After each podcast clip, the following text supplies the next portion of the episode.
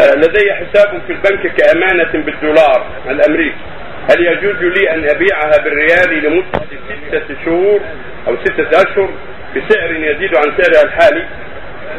ليس لك أن تبيع عملة بعملة إلا يدا بيد لا دولار ولا غيره العمل مناديل دراهم أو دولارات أو غير ذلك أو جنيهات لا تبيعها إلا يدا بيد.